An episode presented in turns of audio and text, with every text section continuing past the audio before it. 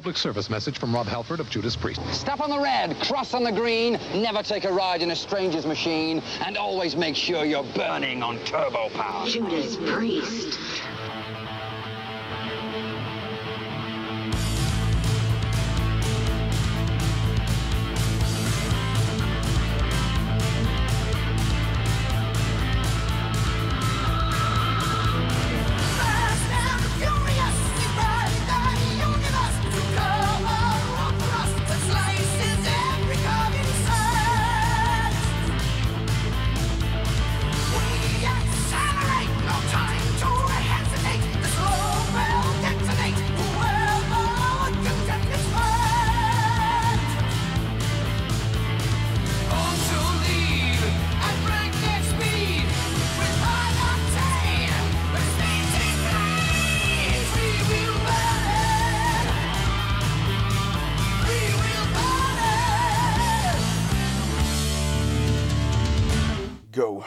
C90-podden tillbaka i rock'n'roll-rummet. Första poddavsnittet i år va, där vi inte har någon gästartist. Nej, så är det nog. Eh, ja, och så tillbaka här i, eh, som du, du sa innan här, min, min eh, lilla replokal. Och, eh, det var ju så med att klämma in några Marshall-förstärkare här. Det är det som behövs bara. Ja, eh, nej men alltså det blir, man samlar ju på sig massa skit och, och, och jag vet inte. Och så senaste tiden har jag kört massa sådana onödiga grejer. Som jag liksom inte behöver. Sen har jag köpt en, en Helix VOS EP. som jag liksom bara, vad fasen ska jag det till? Eh, och så tänkte jag, ah, men Helix, vad fasen, de, de var ju, det var jäkligt kul när de kom och de var ju stora här och jag gillar den plattan, det är ju Walking the Razor's Edge. Eh, Har du ens kvar en VHS-spelare? Har ju det, eh, men eh, eh jag har en sån här VHS och DVD. Eh, som har funkat skitbra, alltså den är ju, den är ju rätt gammal nu, den har säkert 10 år på nacken. Men den har funkat fantastiskt bra. Och sen så eh, eh, var polaren här för att vi skulle kolla på eh, eh, den här VHSen, han har en VHS ju med eh, där eh, eh, han fick den skickad till sig där, där det är några som håller på och trackar Glenn Danzig i, eh, i LA. Just det, det har du nämnt i någon Ja tidigare. exakt, och slutar med att de kör in bilen i hans grind eller fan det och slänger smäller. Alltså helt sjukt. Eh, men skulle kolla på den och så upptäckte jag att fasen det gick knappt att kolla på för den, jag vet inte vad det liksom var, bilden hoppade hela jävla tiden och det, det funkar inte alls. Och så testade jag med någon annan VHS jag hade så helt plötsligt har den liksom lagt av. Så att, ehm, jag vet inte. Den där Helix eh, VHSen den kommer att, den kommer att stå där. Kom ihåg vad man meckade med videoapparater, det här med inspelningshastigheten. ja men allt det och sen så tog man ut kassetten och så, man, så spän, man, man spände de här eh, snurrar på rullen, man spänner, man spänner tejpen lite så blir det bättre och sen var det liksom movieboxen, och hela tracking och skit på liksom när bilen hoppade. Det var ett jävla meckande där alltså. Man låg och kröp där bland sladdarna liksom. ja, visst, en hel vetenskap. Ja men just det där, aha, den här, den här var inspelad på, jag kommer inte ihåg nu vilka hastigheter det var, men det var alltid så att det kunde vara, den här var ju från USA. Ja, det är det här med, med, med eh, oh, vad heter det? Det heter PAL och sen är det ju NTSC. Det är de två olika som var. Så att det, nej, jag har någon sån liggande någonstans som, som och men det är ju likadant med, med de DVD som kom där sen i början. Vi har också det amerikanska systemet, det europeiska. Så att hade du en vanlig DVD-spelare kunde du inte köra amerikanska DVD-er liksom. Nej. Så här, det, nej, fan. Sinnessjukt galet. Ja, ja nej. Och dagens topic.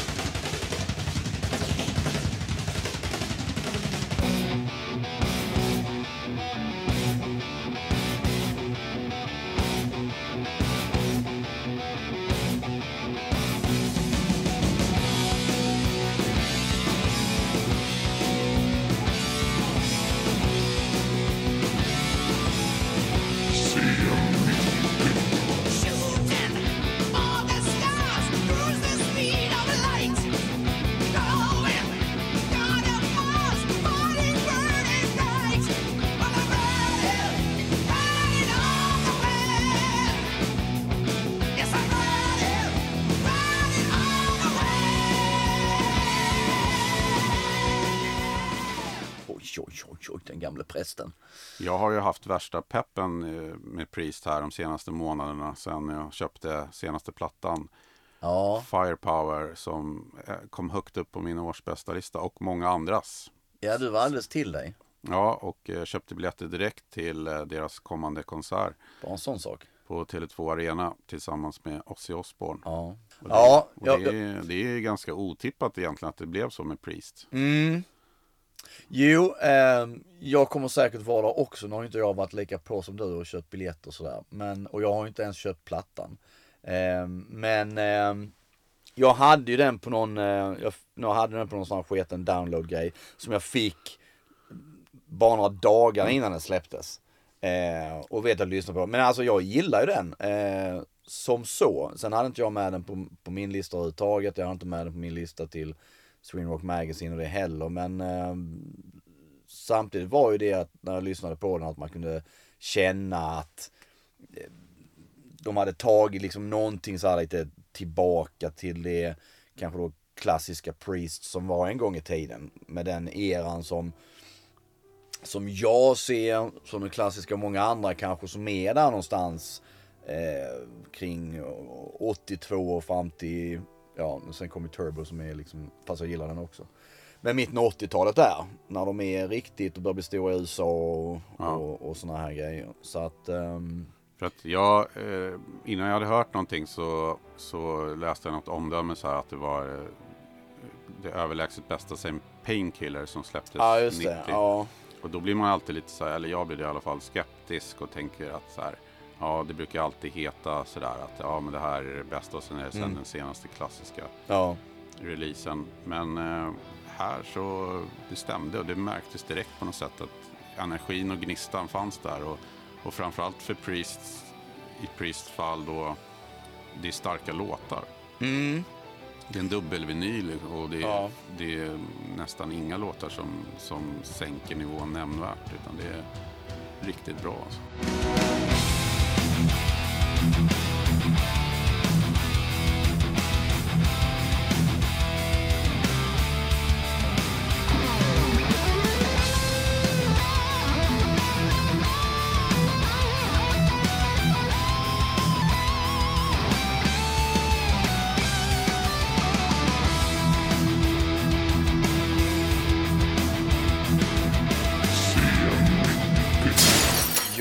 Sen, sen är det ju intressant med tanke på ändå att, att ehm, med vad som hänt med, med Glenn Tipton som nu inte är med utan har blivit någon form av gästgitarrist eh, live och så här.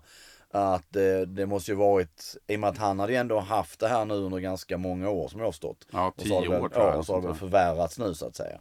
Eh, det är Parkinson. Så. Ja, och, eh, och så lyckades de ändå klämma ut en sån här platta. Det, det, ja, det är förbannat starkt gjort. Det får man ju säga, så här på ålderns höst. För han är ju fortfarande med som medlem i bandet. Men, att Ja. han, men han eh, gör bara mindre framträdanden under turnéerna. Som jag Ja, och det, det, det, han, det gjorde han på Sweden Rock också nu då förra året. Eh, Nu, nu sa jag inte det giget helt, jag sa väl början och sen så gick jag och kollade Misery Loves Company och sen när jag kom tillbaka så var det Då var det typ när han kom ut och så körde de väl Living After Midnight och fanns någon av de där riktigt söndertjatade låtarna.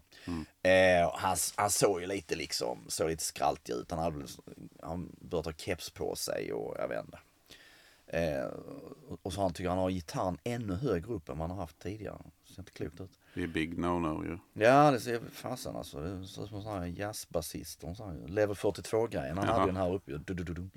Ehm, men, ehm, nej men alltså lät det bra. Rob Halford sjunger ju förbannat bra igen. Ehm, och jag fattade som att där också, det var något med hans, för han hade ju sådana jävla problem med sin rygg. Halford. Och att det i sin tur på något vis, tror jag, fått för mig att det påverkade hans, hans sång också. Eh, men redan där när de var, den gången de var där innan, när de var där med förra plattan då, så såg de Sweden Rock. Och då var det just det också att eh, det man tänkte på var att eh, han satte så många höga toner. Att han, han verkligen riktigt sjöng ut och det lät faktiskt bra. Eh, till skillnad mot kanske många andra sångare. Eh, och till skillnad mot Ozzy nu som var nu senast Sweden Rock också där det kändes väl ganska uppenbart att det fuskades på något vis eh, med rösten.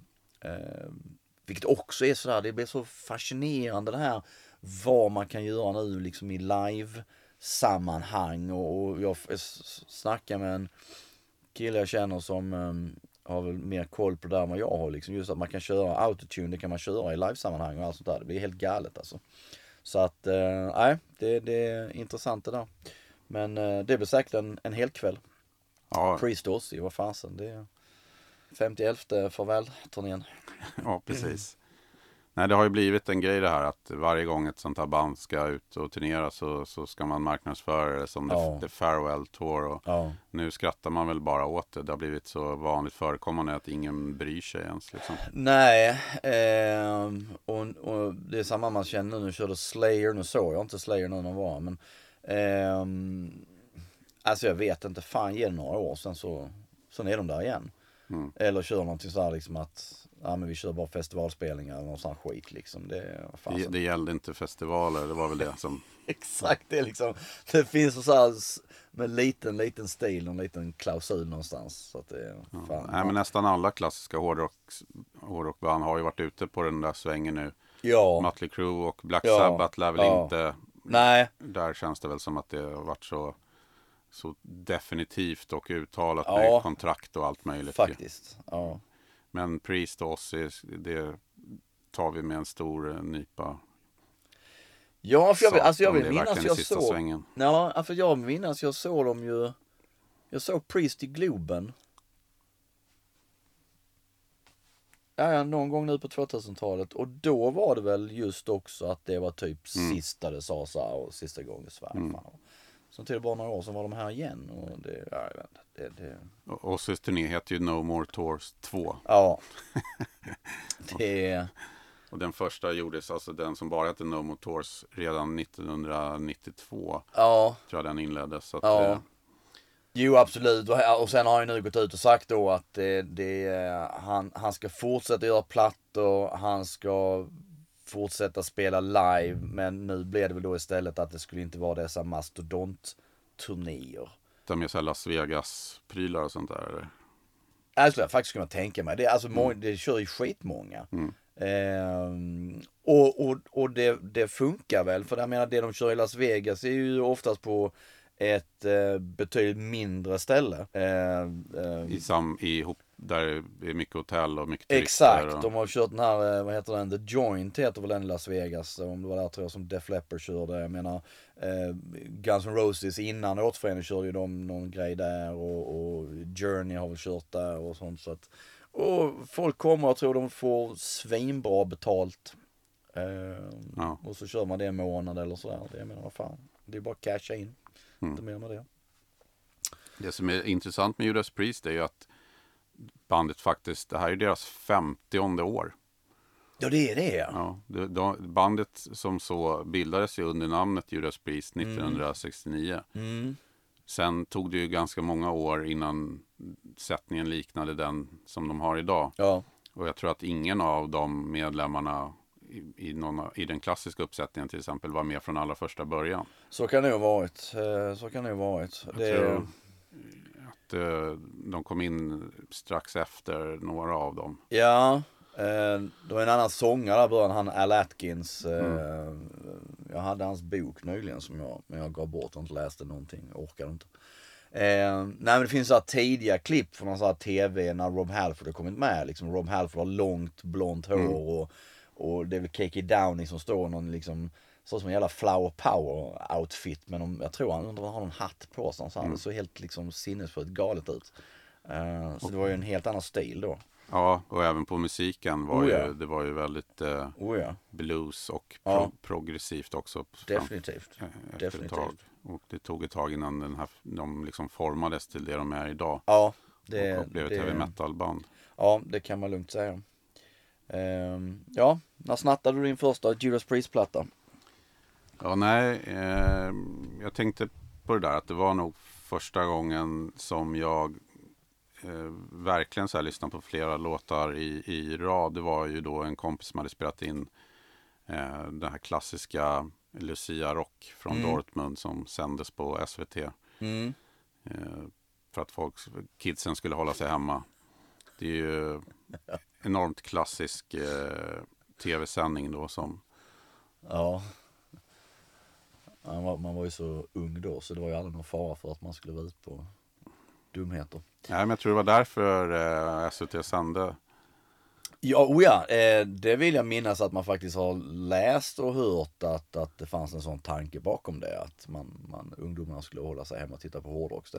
Eh, så det var, ju, alltså det var ju väldigt unikt eh, i och med eh, den här. Och jag hade ju också då en, en kompis som spelade in detta på en Betamax-video. Stor som ett hus. Eh, och eh, vi tittade om och om igen eh, på, på eh, denna lilla festival så att säga. Westfalenhalle. Ehm, Fantastiskt bra framträdande av flera band som är med där. verkligen, alltså Def Leppard var med där, Quiet Riot, Krokus. ehm, Just det Fleppard såg jag ganska nyligen på Youtube, deras ja. Sätt där. Och Ja. jävlar vad de svettas och Ja, ja, vilken ja, energi alltså, de har. Alltså. fasen. Det, det är ju då eh, Paramania. Eh, och då var de ju också, menar, där är de ju, där är de ju hårdrock. Mm. Det är ju inte riktigt lika finputsat som sen blir på Hysteria. Men eh, nej, de, de var jäkligt bra. Quiet Riot var förbannat bra. Jag tror det, det var nog första gången också som jag såg Krokus. Eller överhuvudtaget hörde Mm. Ja, talas visst, om Krokus. absolut. Eh, och det, det enda jag minns är den Tonight Long Sticks Goes Boom. Det är det jag minns. Ehm, och Maiden var det just, Maiden var just detta, de, de, de slog ihjäl Eddie.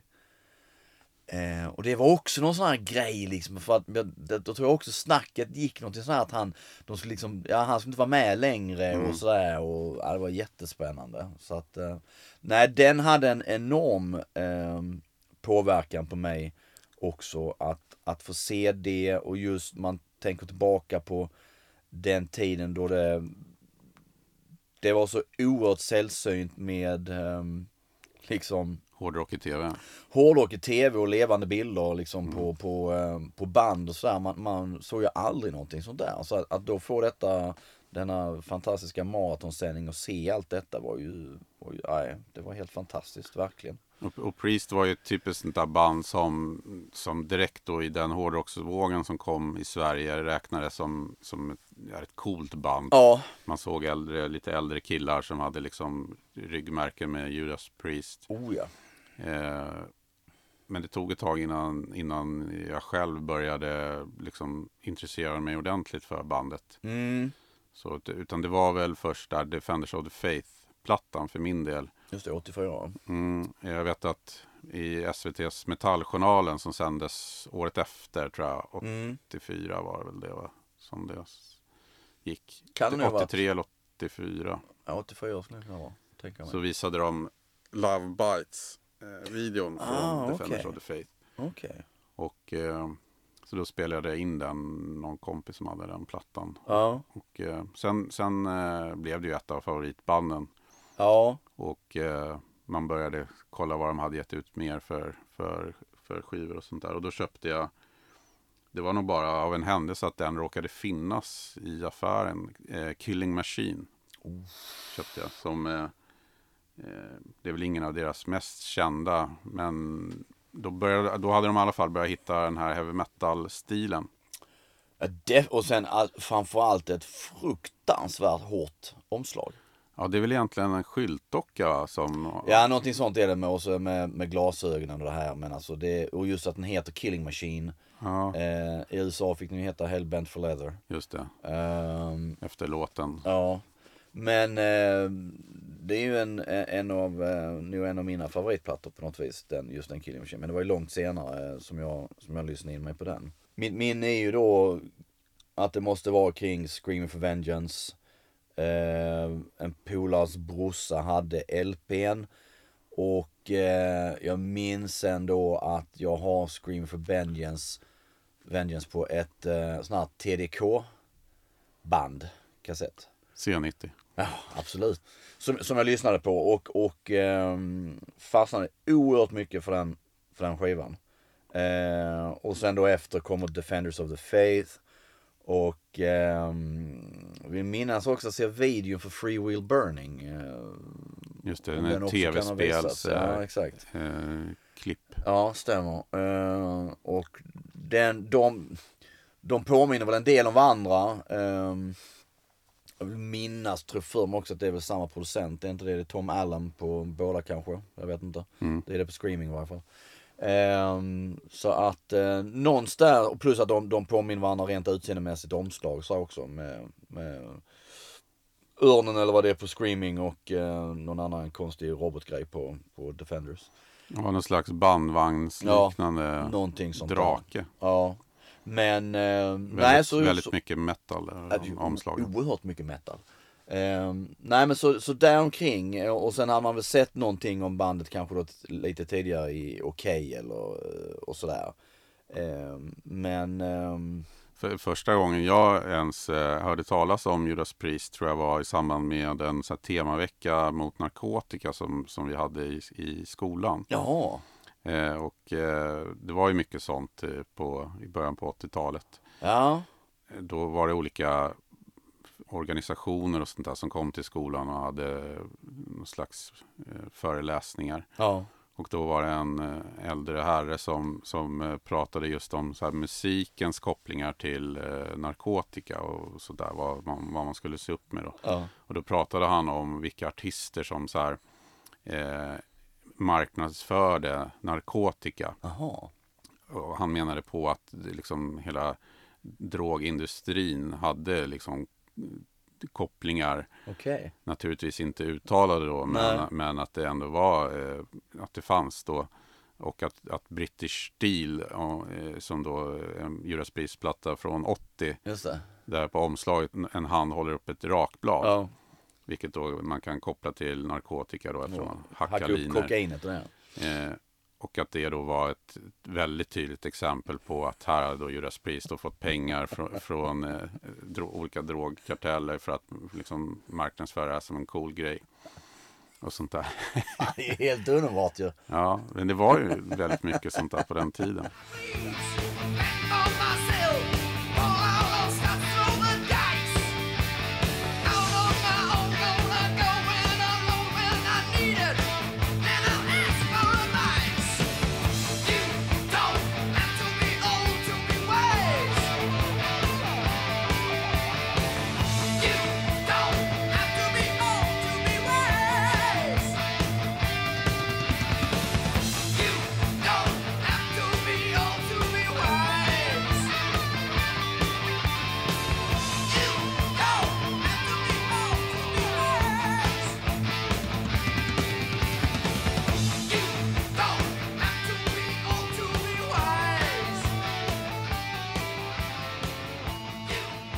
Ja, jo, det var det ju. Eh, självfallet. Jag menar, och sen det, det var hem och skola och, och det var ju mycket. Det var videovåld och eh, all, allt vad det var. Så att eh, visst. Det, det, jag hade ingenting, jag, jag kan inte minnas någonting sånt i, i lilla Munka Ljungby.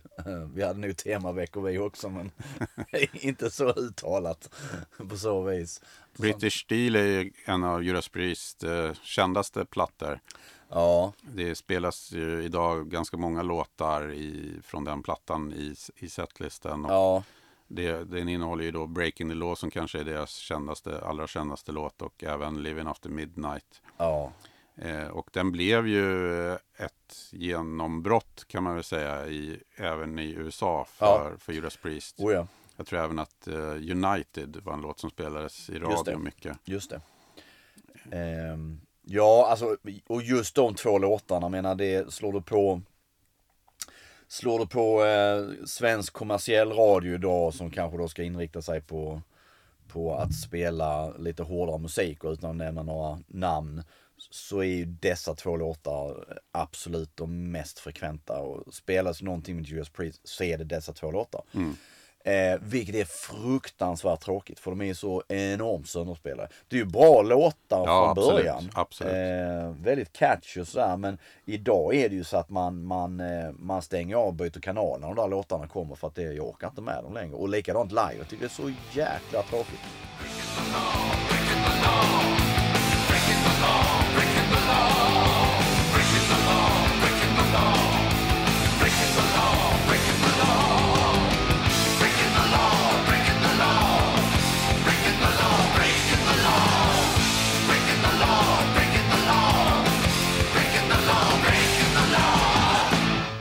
Fruktansvärt tråkigt. Eh, det minns jag, Breaking the Law. Det är ju en helt underbar video. Mm. Där de rånar någon bank på guldskivor eller vad fan det är. Liksom. Ja. Och sen kör iväg någon cab och, och sådär. Eh, men jag har ett svagt minne av att den videon spelades på Trasan och Bananer. För de hade någon sån här eh, liksom videogrej, de spelade grejer, jag vet inte vilket vad det var för segment inom programmet. Men där har jag ett svagt Ro- Rock minne. Time. Ja, något sånt var det. Ett svagt minne av att jag ser Breaking the Law där. Eh, så det, det måste ju varit, och det måste ju varit tidigare än 82 tycker jag ju. Ehm, Ja, så att det borde kanske då vara min, just det. min första kontakt med, med Judas Priest. Jag hade ju ingen aning vad fan det var. Och jag vill minnas att jag inte tyckte det var bra heller. Nej. Eh, att jag inte gillade det. Men eh, ja. De körde ju vidare med, med den där stilen. Det finns ju flera videos som är värda att kolla in på Youtube. Mm. Eh, Hot Rockin' som sen kom eh, på plattan efter Mm. Point of Entry så finns det inslag där de står i gymmet i början och Ja, ja, ja. lyfter vikter vid så maskiner och även när de är inne i bastun Ja just det, okej, ja ja. och Härligt. rockar loss. Den, den, det är Rob där och San Franciscos, San Franciscos bastuscen Så att, eh, glada 80-talet. Ja. Jag tror att Rob i- sjung, han sjunger så intensivt så att mikrofonen tar eld i slutet. Och sen för han liksom över elden då till gitarr, elgitarrerna. Ja, liksom. ja, ja. Fasen, det där har jag nog inte riktigt kollat in. Hot Rockin'. Fenomenalt. Ehm, Men det var väl ganska uppenbart att de, eh, och och det har väl många fans här, kanske också i efterhand eh, dissat lite grann, att man var verkligen ute efter eh, att spelas i radio. Och, Ja. och man, vad ska man säga, man hade det i åtanke i produktionen och allt sånt där, att det skulle vara kommersiellt gångbart. Jo men alltså det tror jag, jag, jag- menar också att, att radio var så ofantligt eh, Radio är väl fortfarande stort men på samma sätt, men då var det ju verkligen alltså, det var ju verkligen ett, ett media att komma ut i och, och, och senare då liksom att, att få en video på MTV och så här, det, det innebar ju faktiskt att du sålde en jäkla massa skivor och att folk sen kom till konserter och så här så att eh, jo men det kan jag mycket väl tänka mig. Så att, men en Judas Priest har varit bra, alltså de har ju haft de har ju faktiskt haft riktigt catchy låtar många gånger som, som sätter sig och som, och som funkar på något vis för, för en bredare massa också att ta till sig. Um, så att, nej, det är intressant. Men jag tänkte just tillbaka med Lucia Rock, för det är det ju då att um, ehm, Leif Edling, Candlemass, är ju på plats och uh, är i publiken uh, i Dortmund i Westfalenhall och ser hela det här spektaklet, vilket är ju liksom, det är helt fantastiskt. Eh, och jag minns ju att jag pratade med honom om det någon gång i någon intervju. Och han är ju med i en bok, den kan man ju liksom eh, kanske lägga upp en bild på sen, men det är den eh, eh, Painkillers heter den boken. Eh, Heavy Metal Painkillers. ja. just Eh, det, Av Martin Popoff. Ja, han bara han sprutar ut sig böcker den killen. Eh, men eh, där är faktiskt Leif Edling har med några bilder i den eh, boken från eh, Westfalenhallen. Så det var jäkligt eh, coolt att han faktiskt var där. Eh, Han var jäkligt tidig hårdrocksfan. Jag har sett några andra bilder när han är i, i England och sånt Ja. där. Och, Ja, han var, han var pang på där. Nej men så att, eh, nej vi, vi har nog ganska liknande eh, infallsvinkel där på, på Priest. Att det är kring där eh, 82, 83 någonting. Som det, man bör uppmärksamma dem. Men sen är det ju också eh, lite märkligt, kan, eller märkligt, men det, var, det, var, det blev ju en sån trend där att hårdrocken blev större runt 82 och de släpper Screaming for Vengeance som är inte lika egentligen kommersiell. Det är ju mer renodlad heavy metal än de tidigare plattorna.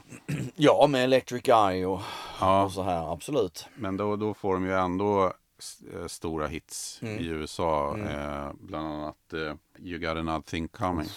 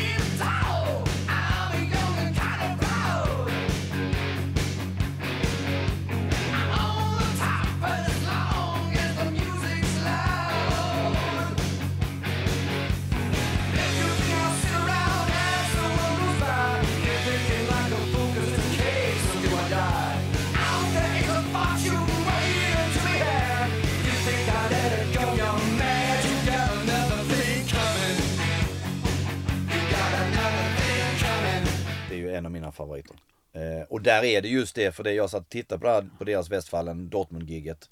Eh, finns på Youtube, så att det, bara för en vecka sedan satt och tittade på det. Och det är det just tror jag i den låten, eh, You got another thing coming. Eh, med det riffet där. Och det var det där klassiska som, som Glenn Tipton och KK Downing, att de stod bredvid varandra och så gungade de liksom i takt så här. Och det är precis i den, den låten också. Eh, Judas Priest, eller vad säger och Rob Halford sjunger liksom skallen av sig. Eh, riktigt höga toner och ser förbannat cool ut alltså. Fruktansvärt cool ut. Men det är ju där jag tycker först där som de verkligen hittar Ja, eh, stilen, Judas, Ja. formen för Judas Priest. Att eh, de jävligt mycket heavy metal och feta Ja. riff och, och att det är kanske inte det är lite mer kompromisslöst än vad det har Mm. varit tidigare när man har varit lite för ängslig och tänkt lite för mycket oh ja. i vad som ska sälja. Oh ja, oh ja. Eh, definitivt. Men samtidigt går man, alltså samtidigt här tänker man ju på då som eh, Killing Machine eh, som har låten eh, Delivering the Goods. Som är en riktig jäkla tung låt Ja. liksom med ett fett riff. Eh, så att där, där liksom, där är det också eh, en hel del metal i det. Och, Ja, absolut. Det Fan. finns ju spår på, på de plattorna absolut Ja. som, som är, är mer, eh, jag tror att där har de inte tänkt så mycket på att det ska generera nej, radio, Nej. radiospelningar. Och, så. nej, nej, verkligen. och det är väl de som kanske idag är mer klassiker som Victim of Changes och sådana spår liksom, Oh ja. som inte är. Oh ja, eh, absolut, absolut. Ehm, Och, Det- och positionen befästes ju med Defenders of the Face som jädra starkt låtmaterial. enormt, enormt. Det, alltså, det är utan tvekan är det de, de två plattor som jag, som jag ser som deras främsta. Och det är som att, tänker jag på Judas Priest så tänker jag på den eran. Mm. För då, de såg coolast ut. Det är utan tvekan i mitt tycke de två bästa plattorna. Ehm, Och det är då de går fullt ut med den här läderutstyrseln och, Ja. och, och nitarna. Det, Ja. det är liksom ehm, eh, all in. Rob är verkligen all in där. Eh, och det är piskan och det är eh, det här liksom lädermössan och, och eh, han, han såg ju förbannat jäkla badass ut alltså. Mm. Och, och, och återigen, det, jag liksom hade inte en tanke på att han skulle spela för andra laget. Ehm, och just när man har hört folk sen säga i efterhand efter det att han kom ut. Han kom inte ut från då 98. Ehm, och folk sa ja men det är klart man visste det. Bara äh, skitsnack att man gjorde. För att han var, han liksom, det gavs ju inget, någon hint alls. Plus att det här med att liksom köra nitar vad fan det, sen körde ju alla band med det. Och, och, och liksom, och, jag menar fan Kerry King han kom sen med sina spikar på armarna och alla såna här grejer. Så att det var ju mer bara att det var jäkligt tufft, det, det stod för metal och just, just det här också new wave of British heavy metal som, som att eh, eh, så det, det passar liksom, det passar bara så bra ihop med musiken och allt det där. Det, jag, jag hade, nej fan det, det var fortfarande lika överraskad när jag läste det här. Jag grävde ju fram en gammal eh, tidning här, Hammer. Ja det är så helt underbart alltså. Som var en svensk eh, hårdrockstidning som fanns under ett par år. Mm. Eh, och eh, lite så fanzine-stuk, lite mittemellan ett vanligt magasin och fanzine i, i formen kan man Ja säga. men ändå jäkligt, alltså jäkligt snyggt gjord Mm. får man säga. Ja, Fasen, eh, mitt poster på Saxon i färg. ja Bara en visst. sån grej. Och eh, man, och man, eh, det var ju tydligt också att de hade, de fick, som det var på den tiden så var inte media så intresserade av Nej. hårdrock Sverige. Så att de som ville fick access mer eller mindre. Så att de fick ju då vara med på presskonferenser och de fick intervjuer med alla de absolut största banden när de kom hit. Exakt, och, och där, där är ju den här underbar. Denna är, detta numret är från 84 va? Eller Ja, det? 12 kronor kostade den. Underbar. Men alltså den, den titeln på artikeln där är ju helt Ja, just fantastisk. det. Homosex-kläder som blev heavy metal-läder. Ja, Eller homosex-läder som blev heavy metal-läder, står det Jaha, faktiskt. så. Ja. Ja. just det. Eh, Så redan där hade man ju ändå sett, eh, sett likheterna. Ja, Det, för det är en sån där grej som man har hört efteråt att Judas Priest lurade mm, hårdrockspubliken. Mm. Och Rob Halford tog bara modet från San Franciscos Leather Boys. Ja, liksom, exakt. Och applicerade det på hårdrocken. Ja. Så. Men eh, Någon som var jäkligt, alltså någon som var jäkligt lik Rob Halford på så vis, det var ju läderkillen i Village People. just det. Om man verkligen tänker på... Eh, Med skärmössan. och- ja, exakt. Hela outfiten och det liksom. Så är det ju bara det att han, han i Village, Village People hade lite större mustasch. Ja. Eh, och sådär liksom och, och ehm, var väl en sån här butch, eh, riktig eh, supermanlig skulle väl det då vara på något vis. Men, ehm, så att ja, nej, för det i, i den artikeln, nu bara liksom ögnar snabbt igenom, men det nämns ju ingenting som så, eller hintas om i den att Rob Halford skulle vara homosexuell, utan de pratar mer om att eh, det, han jobbade i någon av eh, porraffär eller vad fasen det var, berättar han och sådär. Och, ehm, så att nej, det, det är lite intressant val ändå. Men de såg ju förbannat coola ut då, även eh, gitarristerna då. Ja, ja, för fan. KK Downing och Glenn Tipton Ja, som, ja, ja, eh, ja. Gud ja. ja det är stenhårt. Ja, det är så jävla mycket metal så det är inte sant alltså. Det är helt vansinnigt. Uh, framförallt för att vara britter, för britter såg oftast inte så jävla coola ut på ett ju Jänkarna var mer liksom sådana surfer dudes hela vägen. Ja, men på något sätt så, jag tror att, att det, det är Glenn Tipton som säger själv i någon intervju att vi, vi var som gjorda för, för USA. Mm. Liksom. Och Judas Priest var väl också som sagt sen också då ett av de där banden i, när de turnerade i USA som blev utsatta för religiösa grupper utanför arenorna och sådana här grejer. Det var väl kanske oftast då när de turnerade i södra, södra Ja. USA, de sydstaterna där liksom, där det är mer bibelbältet sådär. Den, st- den största, mest uppmärksammade kontroversen är ju, eller vad man ska kalla det, är ju då kopplad till eh, Stained Class, som kom 78. Ja. Eh, Better By You, Better By Me, som är en cover faktiskt. Ja, Spooky Tooth, eh, fint gammalt eh, brittiskt band som eh, bland annat eh, Mick Jones väl från Foreigner var med i det någon vända. Eh, Just det. Och då var det ju två amerikanska ungdomar som ja, drack då, sprit, rökte gräs och lyssnade på exakt en, en, hel, en hel jäkla dag och sen eh, beslutar sig för att eh, ta en hagelbössa, gå ut till en lekplats och, och skjuta då skallarna av sig. Varav den ene gör det. Eh, och den andra, så som det läggs fram när man, det finns ju en dokumentär om det här då. Eh, att hur, jag tror det är åklagaren då väl som visar upp den här hagelbössan i rättegången och, eh, och berättar hur eh, den första killen skjuter sig och lyckas och sen ska den andra killen göra samma sak.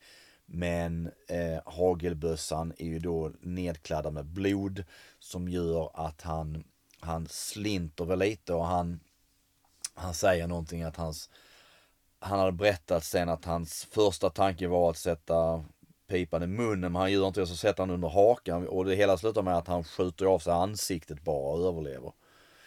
Eh, och detta är 1985 som de gör detta. Och sen dras ju Judas Priest inför rätta av eh, föräldrarna då 1990. Judas Priest band members were in court, their music on trial. Alongside them, two families claiming their sons committed suicide five years ago after listening to Judas Priest. Lawyers for the families claim the group put hidden subliminal lyrics into songs on their album Stained Class, a secret message that it's okay to take your own life. Och det finns, den, den var borta ett tag men jag hittar nu igen. Eh, eh, Det finns en, en dokumentär som heter eh, Dream Deceivers.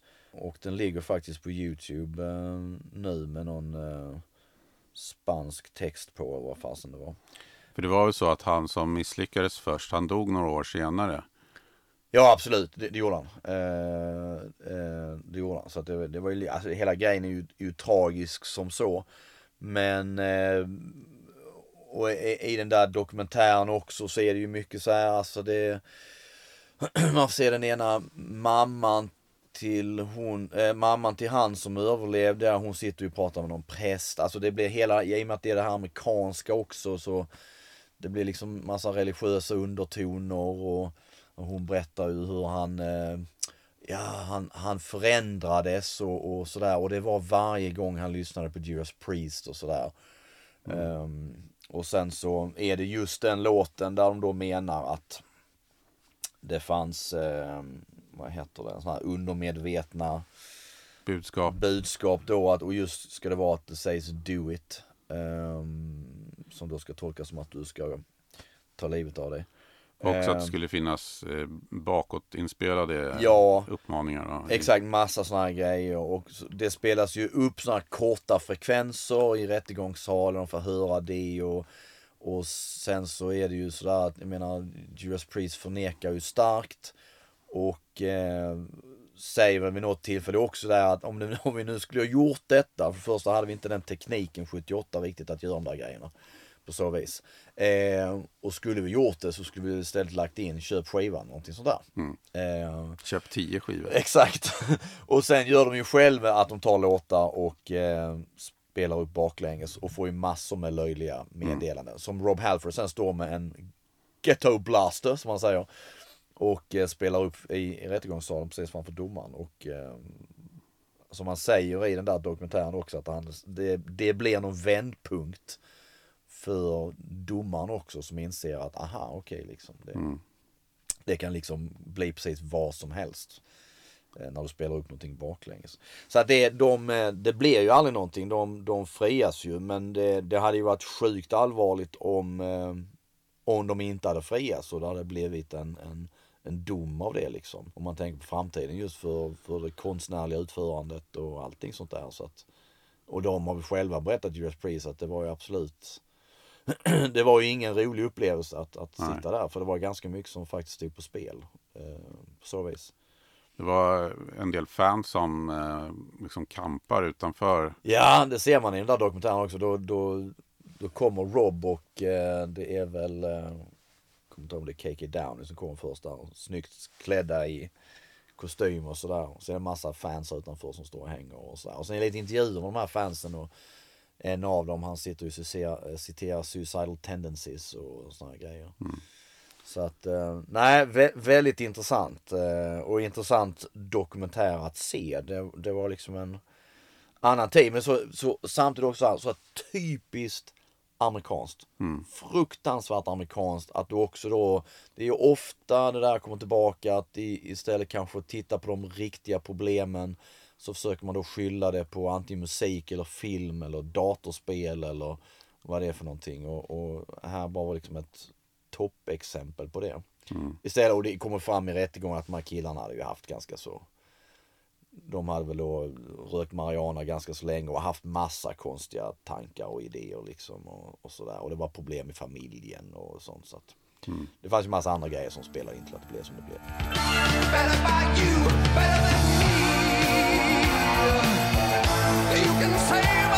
Better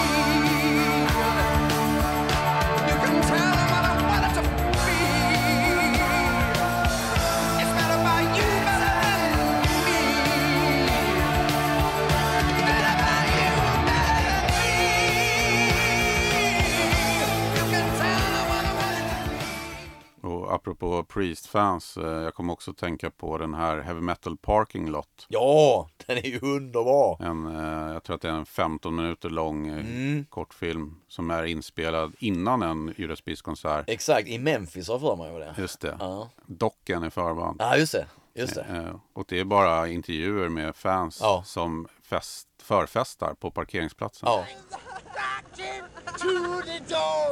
Rockin' to the till the morning. I'm gone, I'm gone.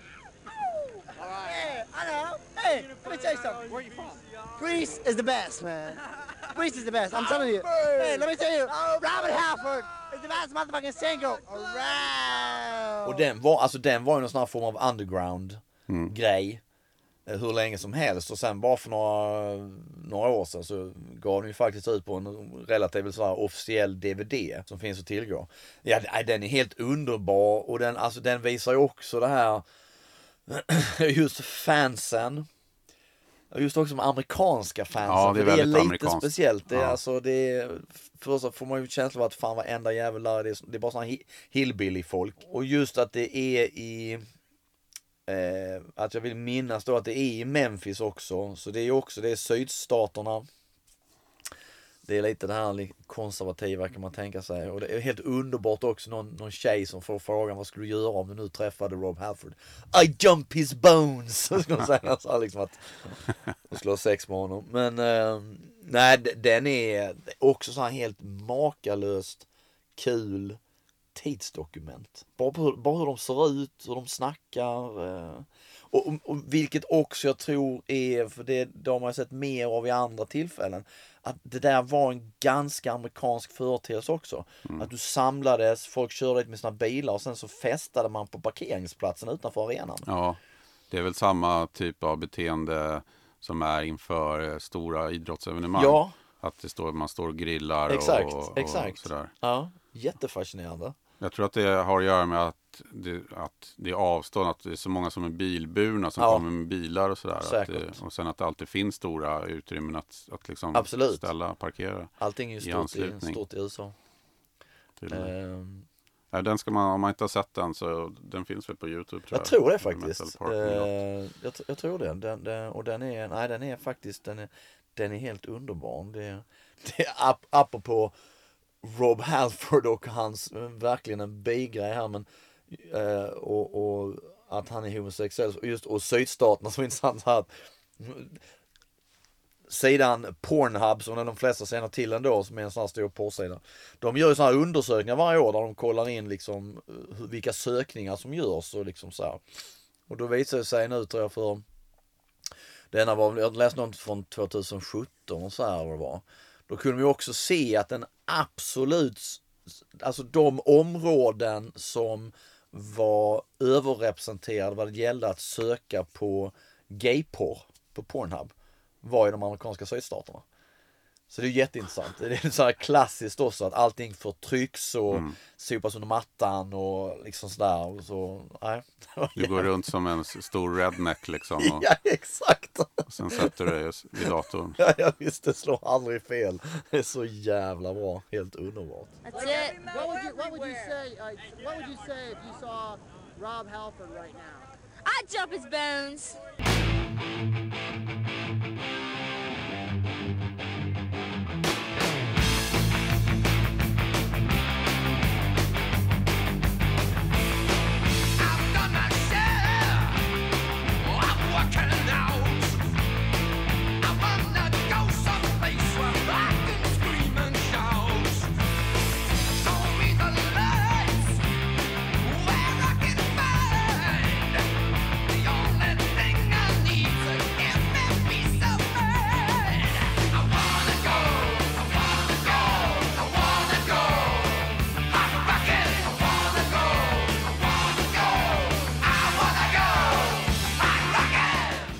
Fredrik Strage gjorde ju en, en eh, svensk version i text i, i sin bok Fans.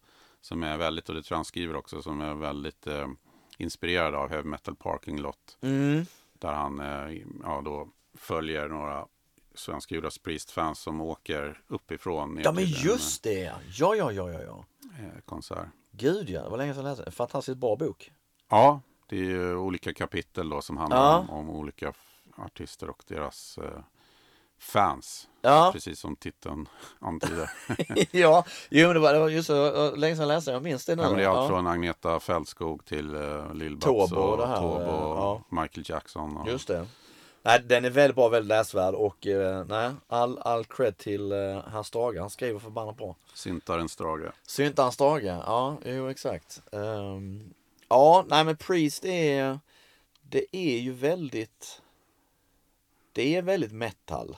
Ehm, Det är också så tidstypiskt när då Turboplattan ska släppas där 1986. ja, Så är det ju väldigt oroligt. Alltså för att det går rykten om att de har börjat använda syntar. Jag kommer ihåg en Okej-artikel där så första, första meningen är så här Judas synt? Ja. Frågetecken. Och det var verkligen så här att man tänkte, vad är det inte sant? Ska jag liksom...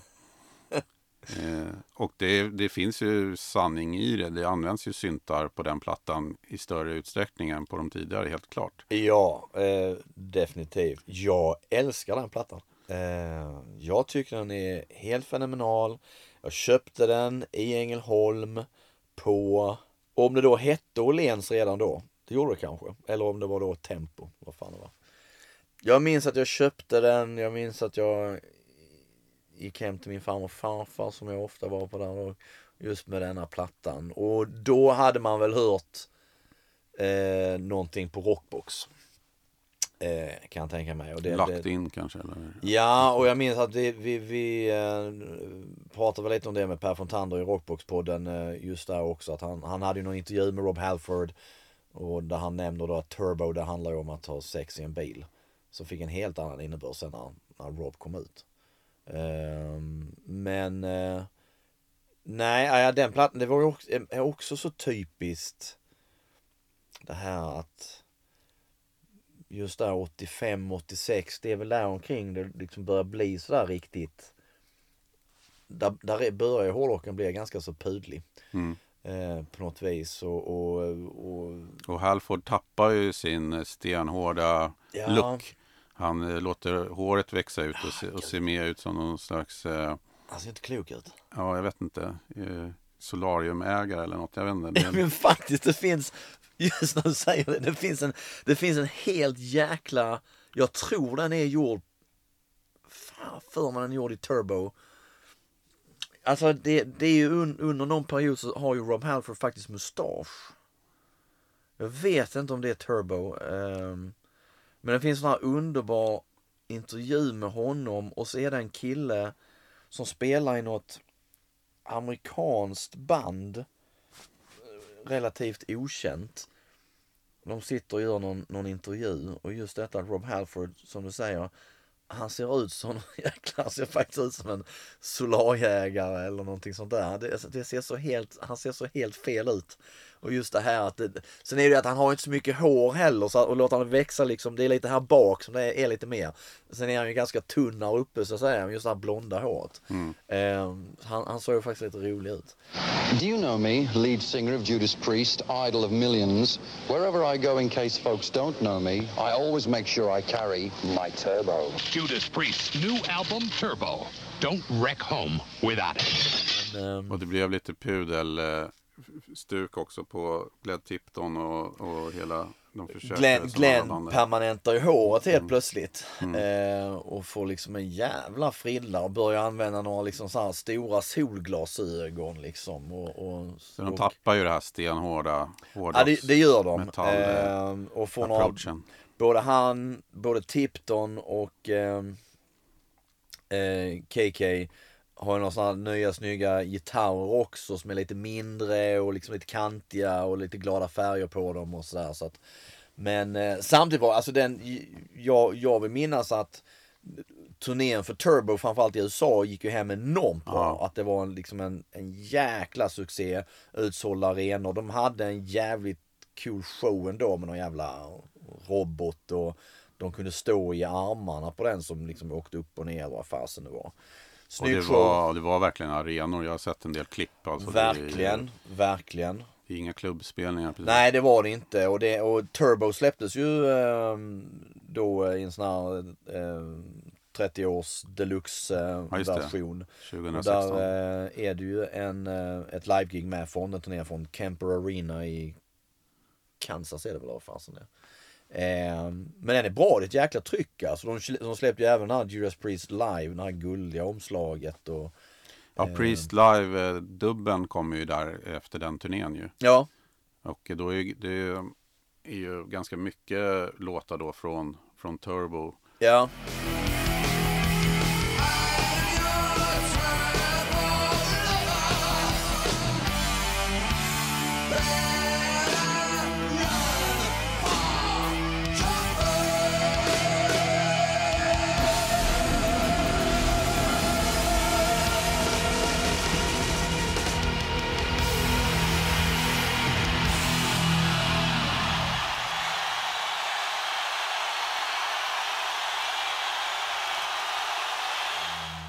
Men, det som var konstigt var ju att de följde upp då.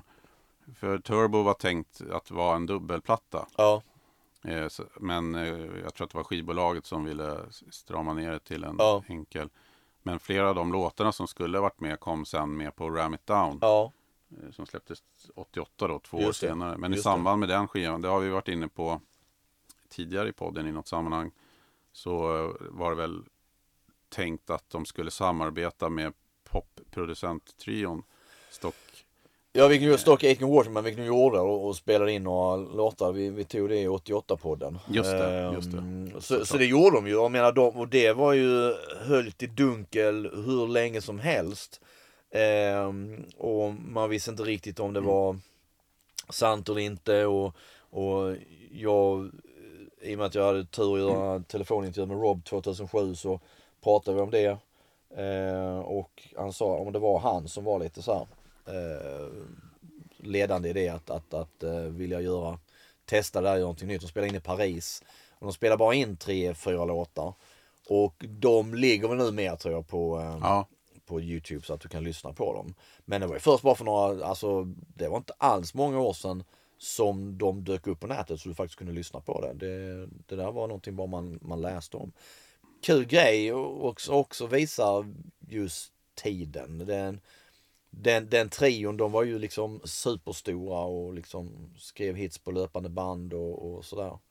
Eh, så nej. men, men det var ingen vidare låtar alltså. Nej, det är väl inget liksom, ingenting man hoppar jämfot över som så, men en kul grej att höra, Ja. definitivt. Men det var, blev väl en svacka där och Halford verkade inte eh, riktigt... Eh, ja, han sökte väl nya vägar att gå helt enkelt med, Ja. med, med bandet. Ja, eh, säkerligen. Men, men istället kommer då 1990 Painkiller som tar en helt annan inriktning Ja, som är i mitt tycke en av deras absolut bästa plattor.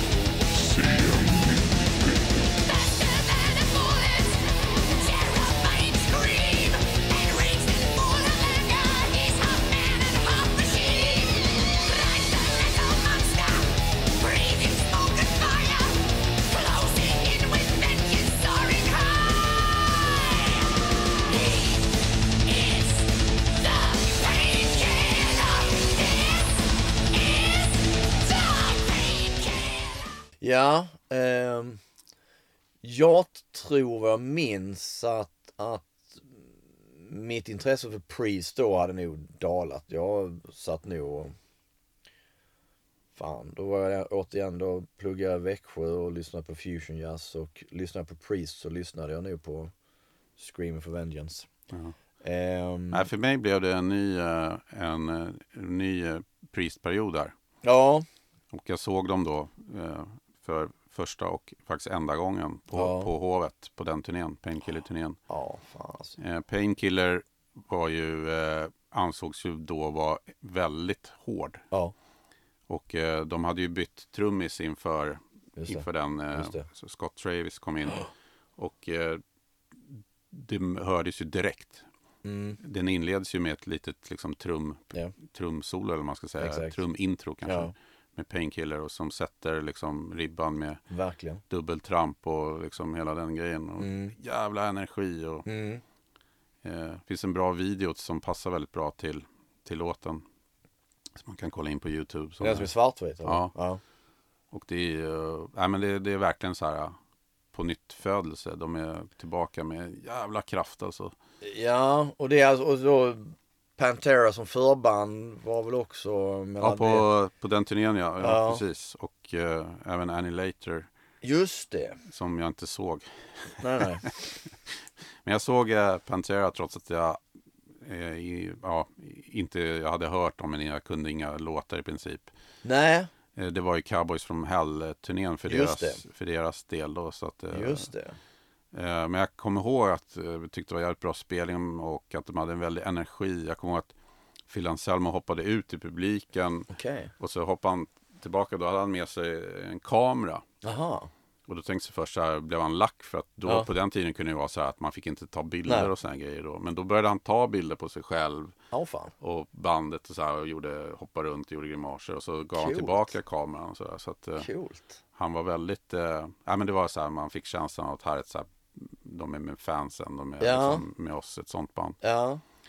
Eh, så att, eh, nej men det var ju kul att se dem då. Det var ju, de hade ju, det var ju det, de hade hittat sin eh, form där från att tidigare varit lite mer åt, eh, ja, de hade pudelår där och, Gud, fan Pantera såg inte klok ut från början. nej, Helt vansinnigt.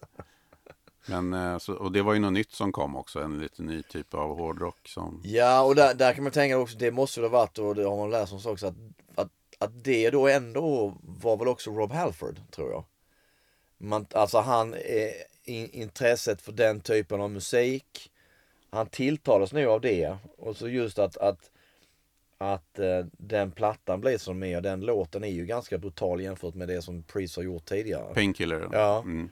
Och eh, om man tänker sen på vad Rob Halford gör sen när han gör liksom en fight och de här grejerna som, som också är, skiljer sig från Priest på så vis att det är, det är tyngre och hårdare och fan han börjar bära shorts hela tiden och, och eh, flanellskjorta och tatu- tatuera skallen är väl kring den där, Just det. har för mig också att det är där omkring han, han Han ser, i, I videon till Painkiller så ser han ju fullständigt livsfarlig ut. Ja, jag är helt jävla galen. Eh, ehm,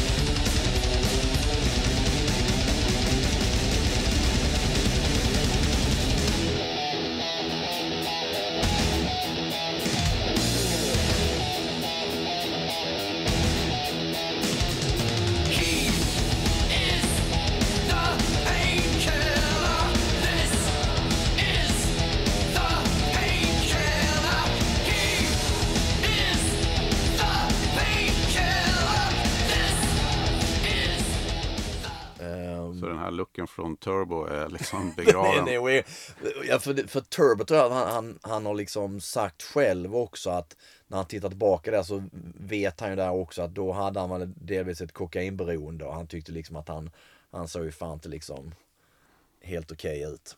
Eh, så att, eh, nej. Ja, fan, det är ju det är så jävla maxat att du, eh, att du har sett Pantera där också. Det är ju jäkligt coolt alltså. Men, men trots hur stark den, den än var så, så eh, var det ju sista plattan som Rob Halford gjorde Ja. med Priest på ett bra tag. Ja. Han slutade ju bandet strax efteråt. Ja. Efter att sista, sista spelningen han gjorde så höll han ju på att typ stryka med nästan. Han råkade ju ut för någon olycka i, på scenen och typ slogs medvetslös. Jaha, oh, det minns jag inte alls. Ja, fan. Jag tror att det var i samband med att han skulle åka motorcykel. Okej, okej, okej. Så att eh, ja, han genomförde spelningen men fick åka till sjukhus Ja, sen. ja, ja. Med en hel del blessyrer. Ja, fan. Sådär. Så att eh, det, det gick rykten ett tag. Det här var ju innan internet och då var det alltid så här väldigt mycket ryktesspridning. Att det hade med det att göra att han hoppade av Ja, bandet ja, för att han var lack för något eller något sånt där. Men Just det har han sagt långt senare att det, hade, det var redan bestämt att det var liksom hans sista. Painkiller är också så här, det är också så här liksom metal omslag. Ja, det, det går inte att bli mycket mer metal än en Äh, någon jävla konstig motorcykel med sågtandade hjul och fan ja. Men uh, undrar det är första gången som den där symbolen dyker upp. Den som de alltid kör med nu, den här Ja, just det. Det är något slags kors med, med ett J och ett P på något ja sätt. i. det skulle föreställa det på den hela vänster. Eh, för, ja jag vet inte. Den, jag har liksom inget minne av att man hade sett den tidigare eller om man tänker tillbaka på Det där andra skivomslaget är för övrigt, kommer jag på nu när du håller upp skivan till Painkiller, väldigt likt en, en, eh, Meatloaf-platta. Just det, lite likt Bad Out of Hell. Exakt, Mm. som eh, Janko Jones skrev om i senaste numret av Close-Up. Att okej. eh, det var ett skivomslag som, som hade lurat miljontals hårdrockare. För att det omslaget ser också väldigt mycket metal ut. Men, eh, Ja, det är också någon metal. motorcykel. Ja, just det. Men sen är det liksom musikal eh, musik i... Ja, men en förbannat jäkla bra platta. Fan alltså, jag älskar Bad Out of Hell. Den är helt underbar. Fantastisk. Men eh, Rob Halford lämnar alltså bandet där eh, 91. Men först 92 tror jag att det blev... Eh, kunde han liksom sluta men han hade redan uttalat det 91. Ja, Men det var någonting med kontrakten något som gjorde att han var kvar ett tag efter det. ja säkert. Ehm, sen så, menar det, sen gör han ju inte något så här superlyckat. Nej. Det är Med, med fight. Nej. fight och sen så gör han den här, ehm, Jag gillade ju faktiskt Halford, hans solo ja. platta, eh, den första i alla fall, ja, lyssnade jag mycket på och även lite på den andra och såg honom i Solnahallen ah, Okej. på Ja, den ja. turnén på första. Ja. ja men de, de var väl mer så att det började hämta upp mer igen och bli liksom metal och så igen. Mm. Ehm, fight var liksom, jag vet inte, det var ingen som tilltalade mig. Ja, det var väl lite att haka på den trenden som skulle Ja. komma där med groove, eh, metal och hårdare. Ja, och jag, jag har något svagt minne av att jag liksom kommer in i tror, Record Heaven som var en butik i Malmö. Eh, som liksom mest hade bara hårdrock så här och eh, mycket ratet och sådana grejer. Och eh, de spelar fight i, i, eh, i högtalare och att jag bara tyckte att nej fan alltså vilket skit det var. Men apropå Halford eh, när han körde som solo, den spelningen där i Solnahallen Mm. och Breaking the Law, eh, de körde ju en hel del Priest. Ja. Eh, De släppte även en bra live-platta, Just det, Resurrection Live, och sånt där. ja det heter det ja. Där är en hel del Priest-låtar som genomförs med, helt klart med hedern i behåll. Men Breaking the Law, där han sjunger inte ett ord då i Solnahallen. Jaha, Utan de drar bara igång låten och så står han bara och håller ut micken. För publiken sjunger ja fan. så pass liksom Ja, ja, ja. eh, bra så att han tycker inte Coolt. att det behövs. Ja, det var, det var första gången man såg något sånt och det, Fasen. Ja, nej men det, det och sen där, men där, alltså där var ju mitt, mitt intresse för Priest eller Halford kring den tiden var också minimalt. Eh, det finns en förbannat cool, coolt liveklipp som är från någon jäkla tv-show. Ehm, och det är ju eh, Rob Halford kör i jeansshorts. Ursäkta. Eh, en jävla flanellskjorta fast det är någon, någon, någon eh, mössa, keps på huvudet och fasen det. Han och Skid Row kör Delivering the Goods. mm, Som är, den är så jäkla tung och så jäkla bra. Eh, helt fenomenalt alltså. Sebastian Bach är ju taggad som en, Ja. eh, jag vet inte. han har en enorm pissfläck på jeansen där i det, i det Ja det är mycket möjligt. det är mycket möjligt. Det, Det ser ut som han precis har varit ute. Ja, ja men där, den, den, eh, det, det är ett klipp jag tittat på många gånger för det är sån jäkla energi. Eh, och man, man liksom ser också att Sebastian Bach och Skid Row, de är taggade som fan just för att det är Rob Halford också. Det, Mm. det, det är jäkligt coolt. Nej men det var ju under den perioden där när liksom hårdrocken var långt ifrån eh, liksom, någon trend och just, just den här klassiska hårdrocken. Mm. Och eh, jag vet att, att Rob Halford, eh, han tog ju fäste på det och, och liksom just det här att han var metal och att metalfansen fortfarande fanns. Men eh, Mm. ja, även om han själv då försökte sig på liksom, andra grejer, Ja. som, andra genrer och sånt där så, så eh, tror jag att det var liksom tacksamt att, att spela an på det. Jo, Att han var the metal god och oh ja. liksom, Eh, det, det var ett jävla tjatan om det metal god där ett tag känner jag. Eh, nej men sen då så, eh, Priest, de fortsätter där och så har de Ripper Owens som då har spelat i ett Priest coverband. Eh, långt senare så är ju liksom det då någon form av löst underlag till filmen Rockstar med Marky Marco, mm. Jennifer Aniston. Ehm, det, fin- det finns ju flera saker som, eh, som påminner väldigt starkt om Priest och Halford. Han, Mm. Sångaren är väl homosexuell Ja, och sådana saker. eh, absolut. Vad är det Eh, bandet heter i filmen? eh, Steel Dragon väl? Steel Dragon, just Och det. där är också ett, ehm, där är ju eh, på slutet där så, så eh, lämnar ju Marky Mark lämnar ju över mikrofonen till det är Miles Kennedy eh, som gör en insats där och, och sjunger lungorna av sig. Det är Ja, ja. jäkligt coolt. Som nu är med Slash. Ja. Mm. Exakt och eh, vad heter det? Eh, Tremonti och eh, Men det är ju en kul film. Ja, eh, Sen finns det absolut. säkert tusen grejer som inte stämmer och, och liksom. Jo, jo, jo. Nej, jag gillar den. Jag tyckte den var, den var helt okej faktiskt. Den var, var lite rolig att, eh, att titta på. Eh, nej, men ju, alltså för där minns jag att eh, den här Juggulator och vad är det, Demolition, eh, de här Mm. plattorna med Rip Owens. Alltså det kändes så, så fruktansvärt ointressant. Sen är det troligtvis två av de absolut fulaste skivomslag Mm. som någonsin har gjorts. Hur det överhuvudtaget kunde passera genom någon instans på skivbolaget det är en gåta. Ehm, det är väl det som är hårt pixlade jävla omslag. Fan, Ja. Det ser för jäkligt ut. Det ser ut som att det är liksom ett misstag. Någon som så här har hållit på med Photoshop Ja. för första gången. Men Lite det så. kan det ju omöjligen vara. Nej, Men, man tycker det. men grejen har ju inte alls funkat. liksom, Nej, nej. Ehm, men nej, alltså det, då, då kändes det om så, det kändes så slut.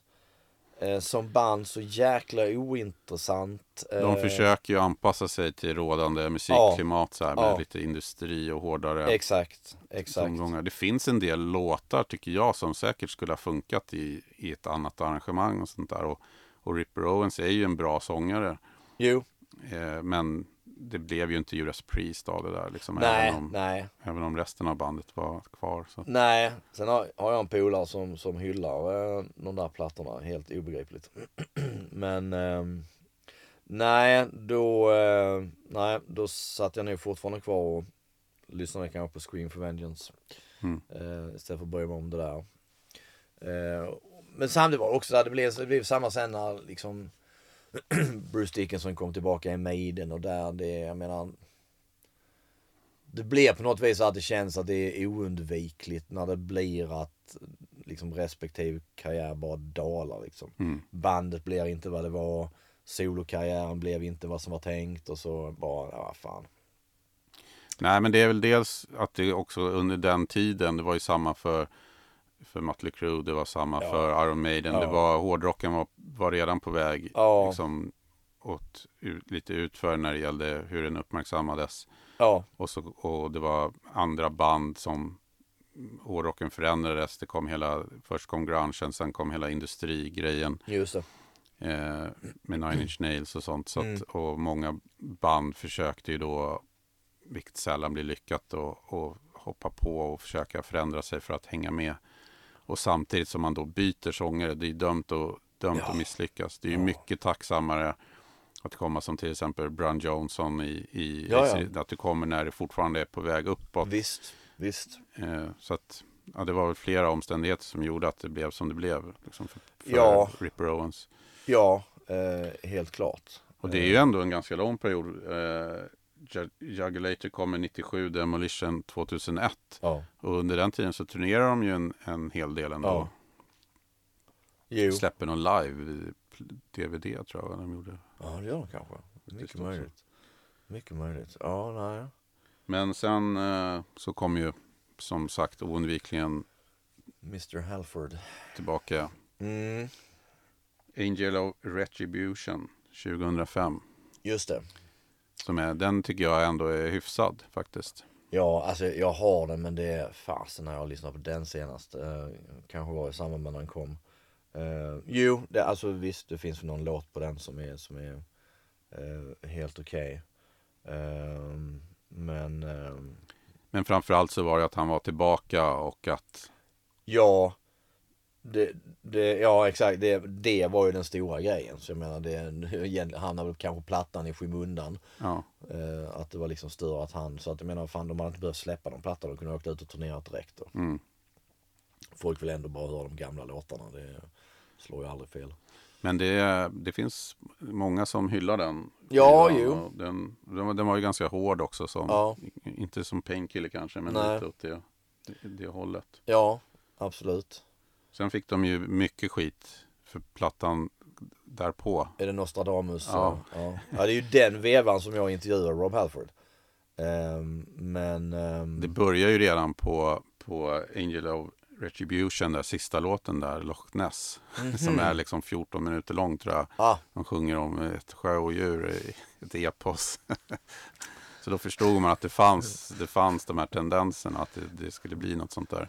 En 14 minuters, minuters låt om ett eh, sjödjur känns ju så fan mycket mer Maiden på något vis. Mm. Eh, än Judas Priest. så att vad fan. Ja, Men Nostradamus är väl, det är ju en temaplatta, eller ja det är något sånt. Eh, på något vis också så här löst byggt på Jag tror det är dubbel va? Ja det kan det ju vara, det kan det ju vara en dubbel. Eh, men eh, löst byggt på hans, eh, hans, eh, heter det? Visioner. Exakt. Men eh, det, det finns några spår som är helt okej. Jag, jag vet att jag plockade ut några Ja, eh, och, och i typ och la i spellistor så på Spotify. Det, Mm. det var liksom helt okej. Men som album så, så funkar det väl inte något vidare faktiskt nej, tyvärr. nej, nej, nej. Och det var ganska många låtar och väldigt många hade liksom... Nej, jag, det, jag har den plattan också. bra. Jag, jag, jag tror inte jag köpt, an, antingen hittade jag någon reaback och sånt väldigt, väldigt billigt och tänkte okej man får testa det. Men jag har liksom, fan, jag, jag, jag har nog inte lyssnat alls på den. Det, det är också så här, det känns, det känns så jäkla ointressant. Fruktansvärt ointressant. Det är långt från glansdagarna. Så vis. Men istället har de ju då som många andra band i, i samma situation sånt där kunnat turnera. Mm. Och man gör det på gamla meriter. Man gör det på att hårdrockspubliken är enormt stor och Ja. trofast. Och det kommer nya generationer som upptäcker de gamla plattorna. Ja, det är ju och just också att de, jag menar deras, då, de gamla fansen, det är ju, det är ju sådana som vi nu.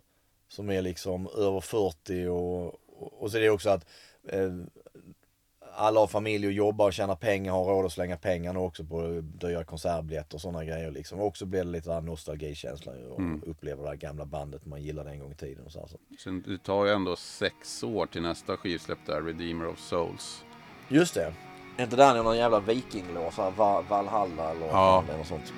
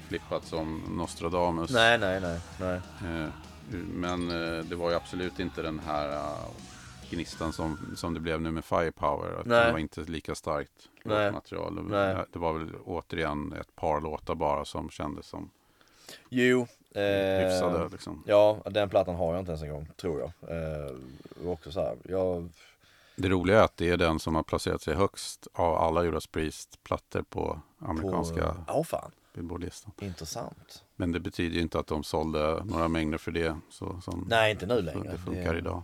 Det, det krävs ju inte mycket, det, det kan man ju lugnt säga. Ja, nej. Och nu, jag menar, och, nu också då, det var också intressant, KK Downing hoppar av. Nu har inte jag läst hans bok, den kom ju förra året väl var det. Ehm, men nu då att han lämnar Priest också. Han plöjer då tydligen ner en jäkla massa pengar i någon jäkla golfresort eh, i Wales eller vad fasen det ska vara för någonting. Och det funkar ju inte alls. Den där skiten blir ju, alltså den går väl i konkurs och vad fasen det är. Så han förlorar hur mycket pengar som helst. Och nu då förra året var väl det också att han sålde ju sina låträttigheter. Eh, så att han, han har väl varit i eh, desperate need of cash. På så vis. Och han lär ju ha tjänat en och annan krona där under 80-talet. Ja man tycker ju det men samtidigt så här man bör läsa, om man läst alla liksom biografier med band och sådär att eh, ibland undrar man också hur jävla mycket pengar de egentligen tjänade om det blir så jäkla mycket. Många gånger just där när man- som då man tänker turboturnéerna där liksom stort jävla scenbygge det kostar ju pengar som fan. Och det är samma man läste om om Guns N' Roses, de var ute på Use Illusion turnén och, och liksom turnerade hur mycket som helst och kom tillbaka. Sen när de kom tillbaka fick de veta på att de hade liksom fan inte tjänat en krona. Utan alla pengar hade bränts redan och, och, och sådär. För Axl Rose skulle ha så här fester efteråt som Temafest och kostade en, en miljon dollar och så. Ja, och massa sånt skit och de, de åkte på grejer som de inte fattade att det var ju liksom deras pengar som användes. Så att, eh, nej, jag vet inte. Men det är klart, pengar har de tjänat absolut. Menar, det Men det är klart det går lätt att bränna dem. Det gäller ju bara som, som du sa, satsa på lite sådana där projekt så Ja, ja, ja visst, det är också man tänker, vad fan. Och du liksom har ganska bra ställt ändå, du väljer att du hoppar av bandet för att typ pensionera dig, vad du nu ska göra. Ehm, och sen så gå med någonting som man tänker liksom, det känns ju redan på pappret känns det som att, vad fan, är det så smart? ja. Det, ehm, Och nu är han väl lite bitter va, i sin bok. Ja, alltså det, nu när hans bok kom och så här så var det ju ett tag tyckte jag det var ju liksom det, det var ju nya citat från intervjuer med KK Downing varenda jäkla dag via Blabbermouth allt vad det var. Och så här och, och han var ju sur nu när ehm, när ehm, Glenn då inte är med längre. Och ehm, så eh, då tyckte han att det hade varit konstigt att de inte tillfrågade honom och, och sådär. Varför skulle inte du komma med och så. här. Jag menar det, jag vet inte. Fan han, han hoppar ju själv av så att det, så att, eh, nej. Priest, gamla Priest. Funkar alltid. Det kommer den där samlingen, Metalworks eh, dubbel-CD-samling. Någon gång väl på 90-talet. Den är faktiskt en jäkligt bra samling. Den liksom Mm. har ju med det, mycket av det, det bästa. Så att eh, det är väl typ sånt där som jag, man brukar slänga på. Den är Ja. fet och fyllig och det är inte bara en sån här greatest hits eh, lista utan det är väl lite så här deras... Ja, Det är inte helt eh, självklart vilka låtar nej som är med om man säger inte. så. Faktiskt inte. Det, nej, men den, den, den spelas faktiskt relativt frekvent i rock'n'roll-rummet. man Ja, det har gjorts en och annan eh, Racke Brakare. Ja, det har gjorts en och annan racker brakare utan, eh, utan tvekan. Det kan man lugnt säga. Helt klart. Ja, Men som sagt, det är extra roligt då att, att de kom tillbaka så starkt i förra året då med, ja, med Firepower. Vilket gör att det känns som att man inte bara sitter och tittar Nej. tillbaka utan att det faktiskt är någonting Ja. nytt som har kommit ut som enligt mig är helt håller absolut mm, att klara av en jämförelse med många av de absolut bästa plattorna. ja, Och det trodde man ju inte alltså. nej. Det känns som du, du är redo att börja förfesta för giget redan nu. Ja, ja, det är inte så långt kvar nu. Nej, exakt. Du får sätta dig på någon jävla parkeringsplats utanför Globen eller till två arena. och- Lite varmare i, i Memphis bara. Ja, en aning. En aning, helt klart.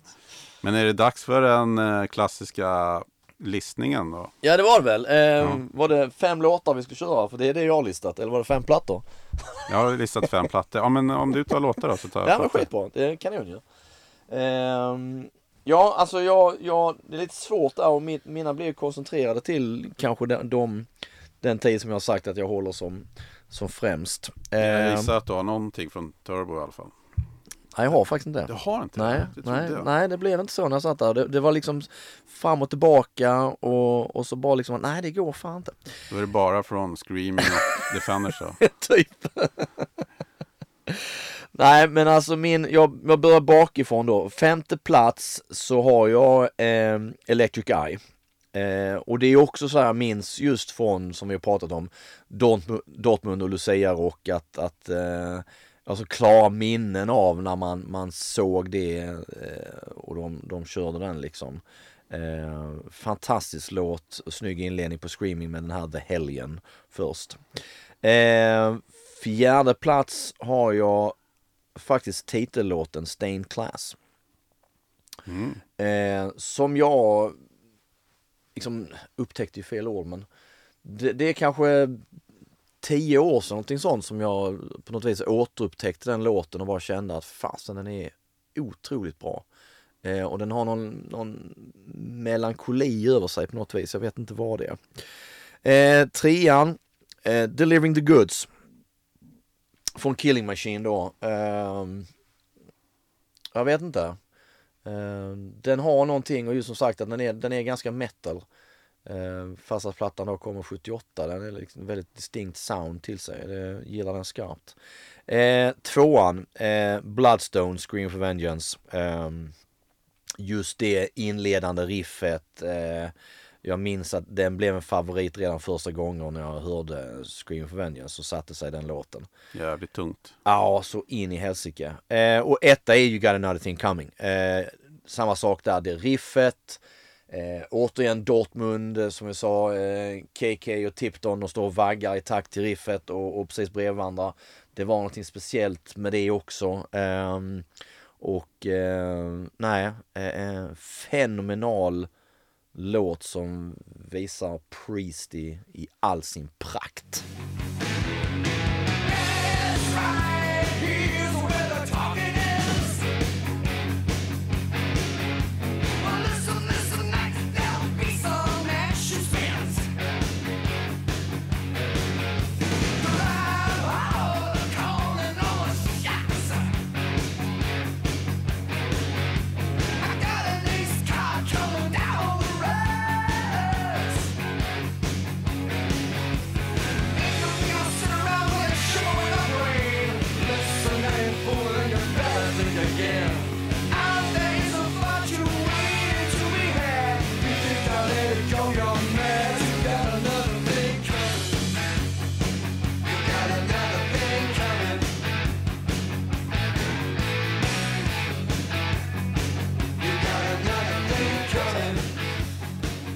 Det, det där var ju en eh, briljant topp fem ju. Men det kan inte varit helt lätt. Nej, nej absolut inte. Och jag hade eh, Jag hade lite turbo-grej och en del andra låtar sådär också. Men så nej, det blev väldigt koncentrerat till, till eh, de där. Ja, Då ska jag dra mina album då. ja, fy fasen. Faktiskt så får Firepower vara med på femte plats. Det kanske kommer att omvärderas om ett tag, men jag har lyssnat så mycket på den Ja. sista tiden så att det, på något, jag känner att den förtjänar det. Liksom. Ja. Eh, fyra är eh, faktiskt British Steel. Ja. Nu är väl den kanske lite uttjatad. Men det finns många fler bra låtar på den Oh ja. än de, de mest uttjatade. Och det är väl kanske en av de skivorna som, som man har lyssnat, lyssnat mest på. Eh, trea är eh, Screaming for Vengeance. Som jag tror du kanske skulle haft som etta. Ja, det eh, hade det nog absolut blivit. Det är ju en eh, sanslös inledning ju med Hellion och Electric Eye och Riding on the Wind. Just det. Oj, Vilken oj, oj. jävla tre, ett, två, tre öppning. Mm. Som de även inleder med i Dortmund. Om jag inte är fel ute. Ja du, det gör de kanske till och Ja. med ja. Stämmer nog ja. Eh, Tvåa är Painkiller. Mm. Mycket för titellåten men den är ju, det finns faktiskt fem, sex kanonlåtar till på, Ja. den, på den skivan. Som Ja. är, det är en riktigt bra bilåkarplatta. Ja, verkligen. Och Scott Travis trummor där i jädrar. Alltså, så ska det låta. Ja. Och etta, vad kan det vara då? 1984, Defenders of the Faith. Oj, oj, oj. Rakt igenom vilken kanonplatta det är Ja. alltså. Ja. Så att jag, jag håller den högre än, äh, än Screaming, även om de är väldigt lika. Ja. Det skulle nästan kunna vara samma, Faktiskt. en dubbelplatta. Ja, faktiskt, faktiskt. Men eh, det är så mycket på den där Jawbreaker och det är alltså jäklar vad det, vad det går på. Jawbreaker är också en intressant titel.